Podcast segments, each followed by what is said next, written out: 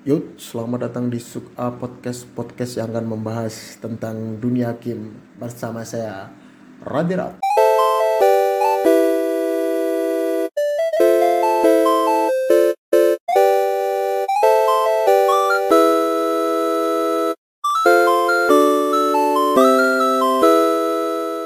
Di episode pertama ini kita mulai podcast kita dengan membahas konsol generasi pertama sebelum kita nanti membahas berita terbaru atau konsol-konsol di era sekarang. Bagaimana sih ide video game ini dimulai atau bagaimana sih ide konsol itu dimulai?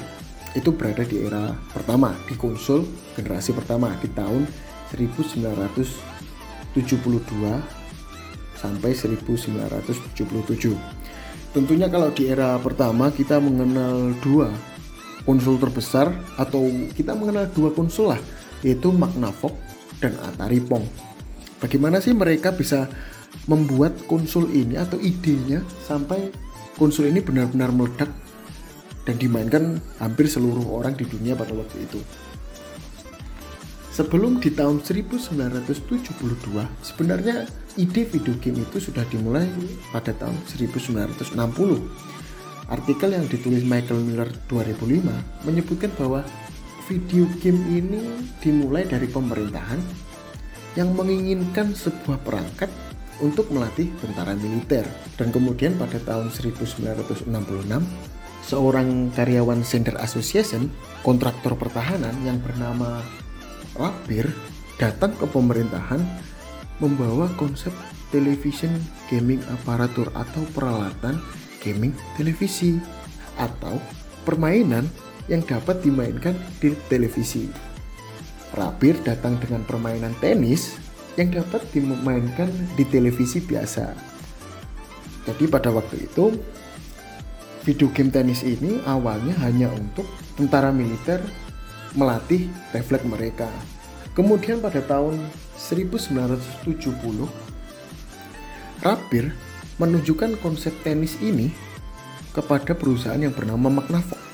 Kemudian terjadi perjanjian di antara mereka yaitu lisensi television gaming aparatur ini dibeli oleh Magnavox. Dan di tahun selanjutnya pada tanggal 27 Januari 1972 Magnavox meluncurkan yang bernama Brown Box atau kotak coklat yang bermerek Magnavox Odyssey. Itulah konsol generasi pertama yang keluar. Odyssey ini dibanderol dengan harga 100 dolar.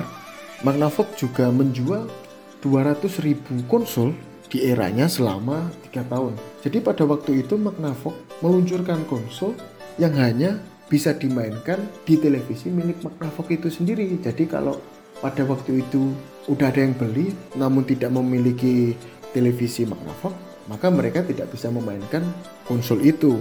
Jadi penjualannya itu menurun hanya sampai 200 ribu selama 3 tahun.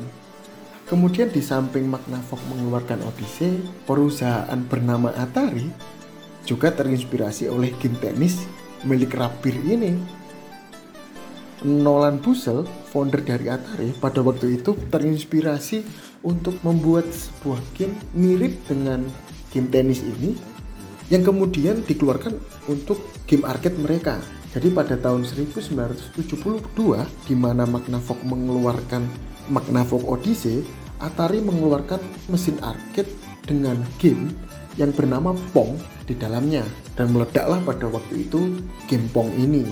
Sampai semua tempat-tempat arcade itu berisi gimpong dan antri di tahun 1972 sampai 1977. Kemudian karena meledaknya gimpong ini, Atari juga menginginkan ekspansi yang besar tentunya agar gimpong ini bisa dimainkan di rumah.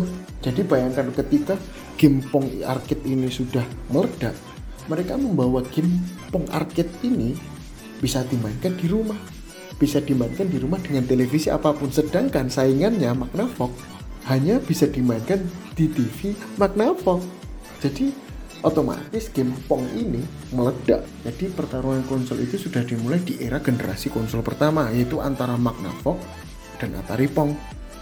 Magnavox datang dengan konsep tenis Atari di tahun 1975 terinspirasi dari tenis milik Rabir 1976 merilis Atari Pong bisa dikatakan menang di era pertama ini karena kelemahan Magnavox memang tidak bisa dimainkan di TV lainnya ia hanya bisa dimainkan di TV Magnavox sedangkan Atari bisa dimainkan di TV mana pun. Jadi bisa dikatakan Atari yang memenangkan pertandingan di era pertama ini. Konsol di era generasi pertama itulah tadi pembahasan kita tentang konsol generasi pertama. Di episode selanjutnya kita akan membahas era generasi kedua. Kita bahas di episode selanjutnya. Saya Radirat, bye guys.